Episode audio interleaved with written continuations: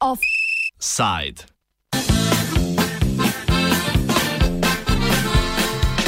Agencija za najboljše sosede.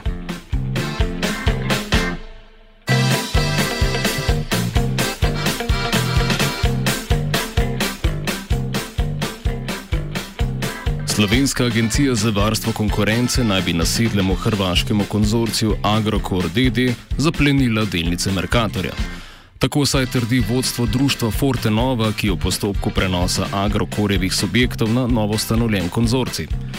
Po slabem in velikokrat nezakonitem poslovanju poskuša vodstvo prihodnost Agrokorja rešiti s prenosom celotnega premoženja na delniško družbo v večinski lasti ruskih in ameriških vlagateljev. AVK zagotavlja, da še ni zaplenila delnic, je pa to zagotovo predlagala. To temeljuje z 201. členom zakona o prekrških, ki predvideva, da se za tujca, ki bi se lahko izognil odgovornosti za prekršek, ne mudoma izvrši kazen.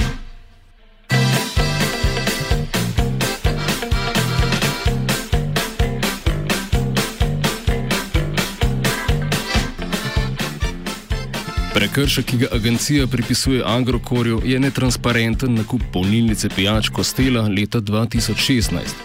Kazen za takšen prekršek je skoraj 54 milijonov evrov, kljub temu, da je imela Kostela v času nakupa manj kot milijon evrov prometa.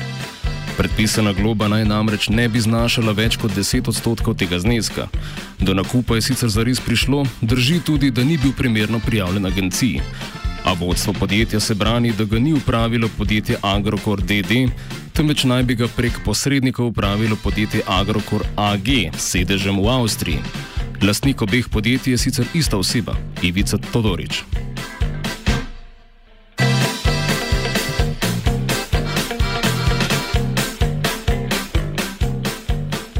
Todorič je trenutno v številnih postopkih zaradi slabega in predvsem nezakonitega poslovanja Agrokorja.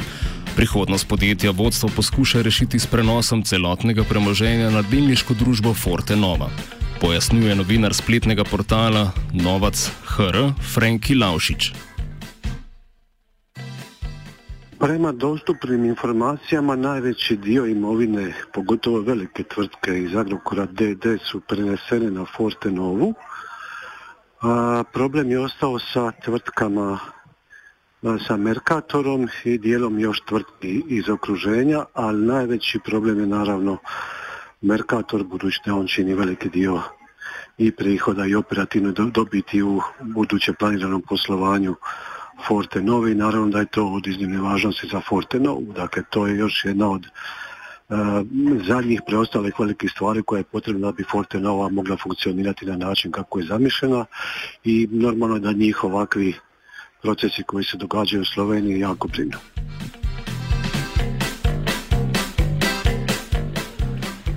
Agrokor bo v trenutku prenosa celotnega premoženja na delniško družbo likvidiran. Vendar to ni mogoče, dokler Forte Nova ne prevzame tudi delnic Merkatorja.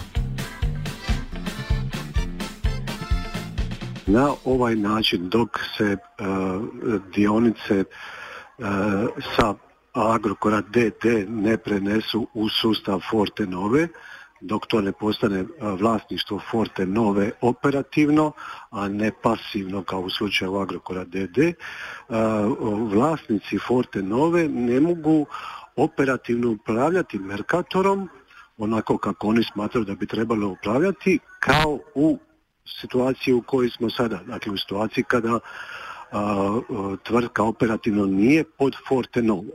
Dakle, moramo znati, dakle, Agrokrom DD upravlja i dalje izvarni povjerenik Agrokora, koji je ista osoba Fabris Peruško kao i on je glavni izvršni direktor Fortenova grupe, ali to su dvije odvojene kompanije. I vlasnici u stvari ne upravljaju Agrokorom DD kao što bi mogli upravljati Fortenovom, to jest Merkatorom kada bi on bio u sastavu Forte Nova grupe. Dakle, e, radi se čisto o operativnom poslovanju tvrtke koja ne može biti optimalna dok se dok Mercator ne postane sastavni dio e, Forte Nova grupe. I naravno da to onda utječe i na konsolidirano poslovanje grupe Forte Nove. Na, na ovaj način Mercator ne može biti dio konsolidiranog poslovanja Forte Nova grupe.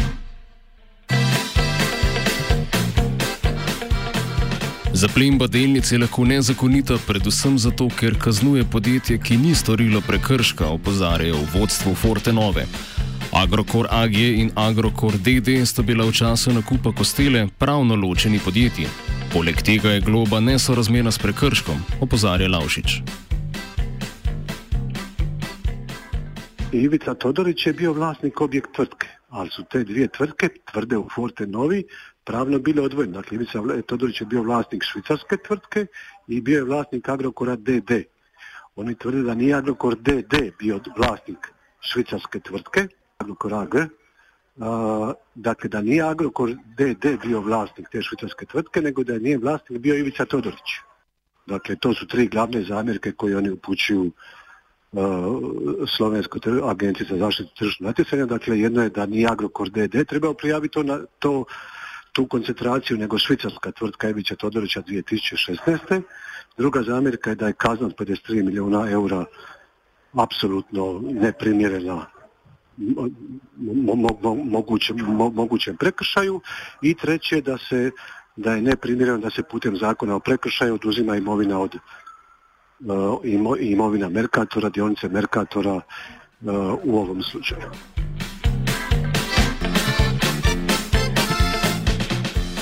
Poleg tega Forte Nova ministru za gospodarski razvoj in tehnologijo Zdravko Počivalšku očita vplivanje na poslovanje Merkatorja prek Agencije za varnost konkurence. To je delniška družba že prijavila Evropski komisiji. Pa putem utjecaja na, oni tvrde, putem utjecaja na Agenciju za zaštitu tržišnog natjecanja koja je sama po sebi prema zakonu neovisna, ali oni tvrde da je tu ministar da je tu ministar iskoristio politički utjecaj pritiska na agenciju da donese odluke kako je donijela i tu i citira tu se mogu naći citati ministra gospodarstva koji je rekao da će se pronaći način da se zaštite interesi dobavljača i drugi nacionalni interesi slovenski nacionalni interesi kada je posjedi Mercator. I oni izbrajajući dva i dva su upozorili odlučili to prijaviti Europskoj komisiji. A najvjerojatnije će i sva ići na Europski sud, jer ovo je najvjerojatnije pravno-politička trakavica koja će još dugo trajati. Bar se tako sada čini.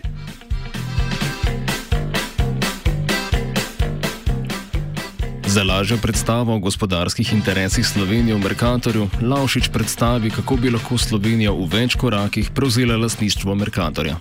Moguće da će dovesti do scenarija recimo da sad postoji mogućnost da ako ćemo ići baš visoko spekulirati, ali možda se neka se takve spekulacije pokažu uh, opravdanima, dakle da znate da, po, da postoji klauzula ako se promijeni vlasnik da onda banke mogu da, da onda banke mogu čitav kredit staviti uh, na naplatu i teli bi Mercator išao u stečaj. Dakle, recimo sad Slovenska razvojna banka može opet zbog toga što je sad država Slovenija kratkotrajno, to jest privremeno postati vlasnik Merkatora, Državna razvojna banka može svoj kredit e, poslati na naplatu Merkatoru čitav odjednom i time Merkator baciti u stečaj.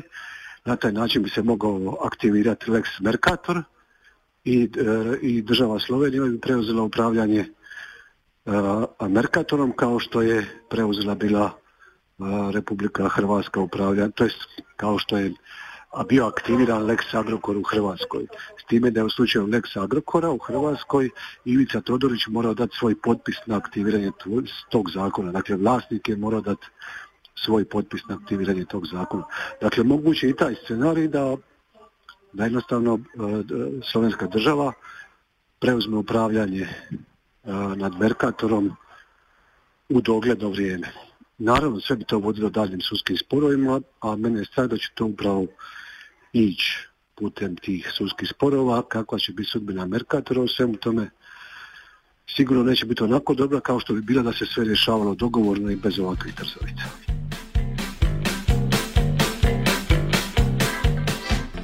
Počivalšek bo za plen vodilnic pridobil tudi nekaj novih privržencev. Nič za to, da je sodeloval pri prodaji Merkatorja. Premoženje najboljšega soseda je slovenski nacionalni interes. Pa ja mislim da je to ono, da je to potez koji je motiviran politički interes, politički, ali možda i od strane nekih drugih interesa unutar Merkatora koji ne žele da se situacija da se Merkator prenese na Forte Nove grupu iz razloga koji su samo njima znali. A politika se u to upetila kako bi mogla postizati e, dnevno političke poene i tvrditi kao da ona čuva političke interese, slovenske političke interese. E, međutim, meni se čini da to ovdje nema previše smisla, pogotovo što postoji informacija da je u četvrtak trebala biti, trebao biti potpisan memorandum sa svim dobavljačima, uključujući slovenske dobavljače, pa bi ta priča s dobavljačima je trebala biti apsolvirana i gotova i sad odjednom ide ovakav potez. Dakle, e, meni se čini da tu politika upletena na način da, kao što sam rekao, želi pokazati da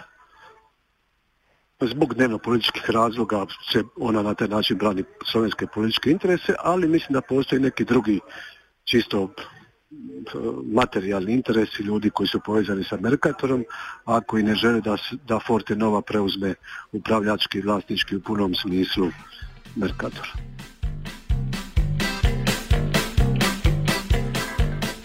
Zdi se, kot da Agencija za varstvo konkurence z Agrokorjem igra povratno tekmo slovensko-hrvaških odnosov, odgovor na še ne zaključeno arbitražno tekmo.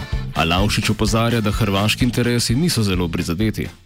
Forte Nova grupa ima strane vlasnike. Uh, uh, Hrvatskoj najbitnije, ako ćemo gledati Hrvatsku, da dobro posluju tvrtke u Hrvatskoj. Jel da dobro posluju Jamnica, Ledo, Belje i ostale kompanije, kako će poslovati tvrtke u, u Sloveniji i u, Beogradu i kako će to od, odraziti na vlasnike Forte Nova grupe, pa to Hrvatsku baš ne mora brinuti. Ali postoji mogućnost da će i hrvatska politika kao poželjeti se igrati zaštite nacionalnih interesa i na taj način u, u, javnosti početi raditi e, poteze kakve radi sada i, i, slovenska politika. Znate, ono, jedan potez vuče drugi potez i kada takvih loših reakcija može, do, može dovesti do narušavanja odnosa daljnjih između Slovenije i, i Hrvatske, pogotovo kada su u pitanju, ako su blizu neki izbori parlamentarni ili predsjednički, da se u to vrijeme uvijek zahukta ta slovenski, taj slovensko-hrvatski sukob kako bi se na bildanju nacionalnih mišića ušićarili neki politički, dnevno politički poeni. Tako da i ovdje je sve moguće. Međutim, za sada hrvatska strana, niti premijer, niti predsjednica, niti glavne stranke ne trzaju baš na ovaj sukob.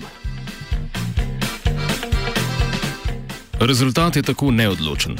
Republika Hrvaška Sloveniji ne priznava rezultatov arbitraže, Republika Slovenija pa najslavnejšemu hrvaškemu podjetju odreka lasništvo nekdanjega ponosa slovenskega gospodarstva.